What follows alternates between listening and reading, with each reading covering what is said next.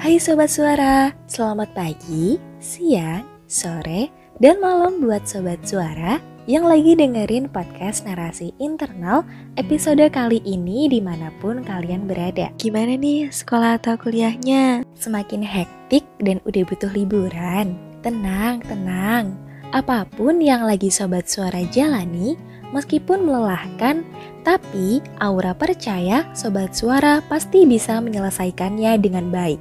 Nah, di podcast kali ini, untuk semakin membakar semangat kalian lagi nih dalam menjalani sekolah ataupun perkuliahan, aku, Aura Maulidatul Heriah akan membahas topik seputar beasiswa, khususnya beberapa tips yang aku terapkan sendiri nih untuk menjawab pertanyaan-pertanyaan interview hingga akhirnya bisa lolos seleksi beasiswa Bank Indonesia. Dan tentunya tips ini bisa kalian terapkan juga untuk mendaftar beasiswa apa pun ya. Sebelum itu, mungkin di antara sobat suara kepo juga nih, apa aja sih benefit ketika kita lolos beasiswa? Oke, yang pertama, Aura namakan sebagai tangible benefits. Tangible benefits ini merupakan benefit yang bisa kalian dapatkan dan juga wujudnya dapat terlihat secara fisik. Misalnya, seperti tuition college fee, uang saku bulanan, ataupun juga kesempatan internship dan juga bekerja di instansi tersebut. Untuk intangible benefits, yaitu benefit yang diberikan oleh penyelenggara beasiswa, namun manfaatnya tidak dapat terlihat secara fisik, misalnya skills development, networking, dan meningkatkan personal branding sobat suara. Nah, masuk ke tahap seleksi, biasanya interview sering jadi tahap yang menakutkan nih saat kita mendaftar suatu beasiswa. Tapi sobat suara atau para scholarship hunters, jangan khawatir. Setelah mendengarkan podcast kali ini, semoga kalian mendapatkan insight untuk bisa melewati tahap interview dengan baik ya. Persiapan tahap interview itu sendiri, Aura akan membaginya menjadi dua nih. Yang pertama adalah pra-interview dan yang kedua adalah saat interview. Untuk pra-interview atau sebelum interview dilaksanakan, yang pertama, sobat suara perlu mempelajari mengenai instansi beasiswa yang sobat suara ikuti. Di antaranya adalah mengenai apa visi misinya, apa core value-nya, hingga program-program yang dijalankan. Hal ini akan membantu sobat suara untuk menjawab pertanyaan-pertanyaan dari interviewer apabila mereka ingin mengetahui seberapa jauh knowledge sobat suara mengenai instansi tersebut. Selanjutnya, sobat suara juga bisa nih mencari pertanyaan-pertanyaan potensial yang mungkin ditanyakan dari awardee sebelumnya masuk ke teknis sebelum pelaksanaan interview.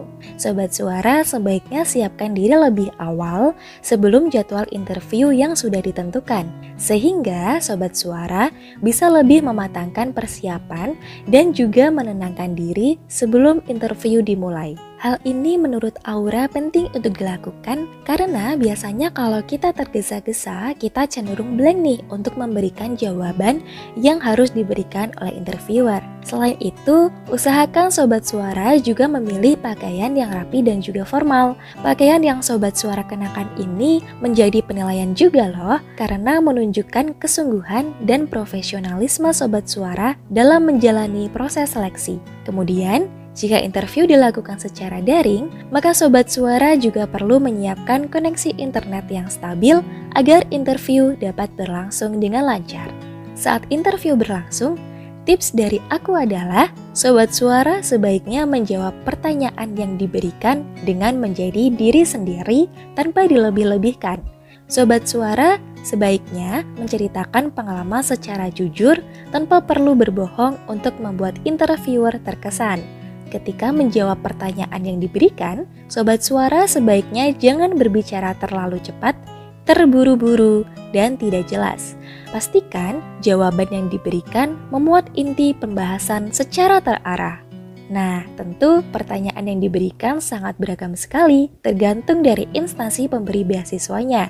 Sehingga, kalau dibahas dalam satu podcast ini, gak akan cukup ya Sobat Suara. Namun, secara umum ada beberapa pertanyaan yang lazim ditanyakan oleh interviewer. Yang pertama, yaitu ceritakan tentang diri kamu.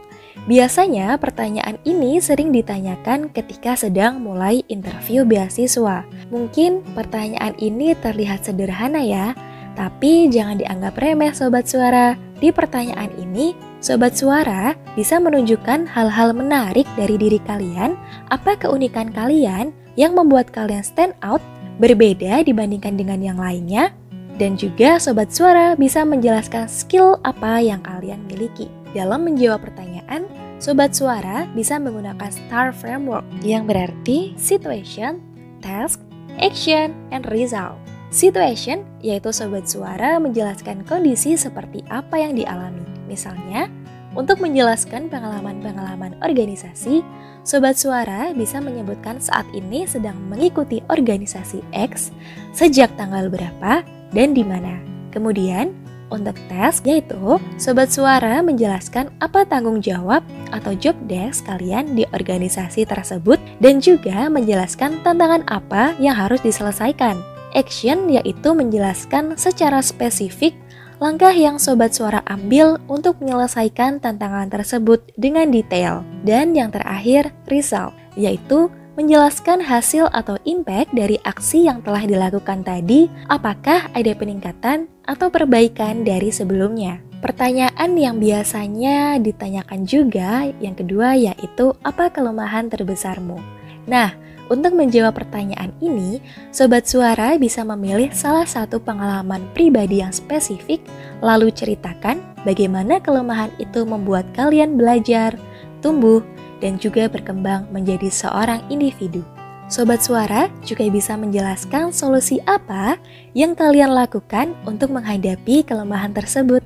Lalu yang ketiga, pertanyaan apa kelebihanmu? Untuk menjawab hal ini, sobat suara bisa menjelaskan skill apa yang kalian miliki dan dihubungkan dengan impact apa yang bisa diberikan oleh sobat suara dengan skill tersebut kepada instansi pemberi beasiswa. Yang keempat, Mengapa sih instansi tersebut perlu menerima kamu sebagai penerima beasiswa? Nah, selain perlu menyiapkan jawaban yang diplomatis, namun sebaiknya sobat suara juga bisa menjawab pertanyaan ini secara storytelling yang dihubungkan dengan pengalaman secara personal agar interviewer bisa melihat kepribadian sobat suara di pertanyaan tersebut. Sobat suara juga bisa menambahkan poin mengenai apa yang bisa beasiswa kontribusikan dalam mendukung tujuan atau cita-cita sobat suara ke depannya. Oke, sekian dulu podcast kali ini. Kalau sobat suara suka dengan podcast ini, bisa share sebanyak-banyaknya ke teman-teman kalian dan jangan lupa juga untuk dengerin episode lainnya di podcast Baswara Bersuara. Terima kasih sudah mendengarkan episode kali ini sampai akhir.